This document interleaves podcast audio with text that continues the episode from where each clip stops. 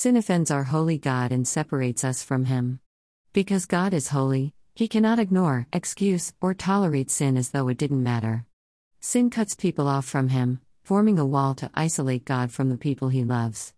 No wonder this long list of wretched sins makes God angry and forces Him to look the other way. People who die with their life of sin unforgiven separate themselves eternally from God. God wants them to live with Him forever, but He cannot take them into His holy presence unless their sin is removed. Have you confessed your sin to God, allowing Him to remove it? The Lord can save you if you turn to Him. Vivienne Caldwell wrote her first book, Be Strong! exclamation mark The Lord is always with you in her second book, When we trust our own efforts instead of Christ's power. Be still. She also wrote her first children's book, No One Wants to Be My Friend.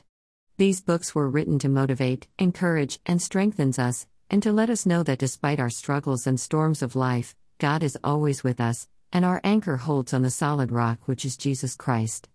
Her books are now available on Amazon, so get your copy today.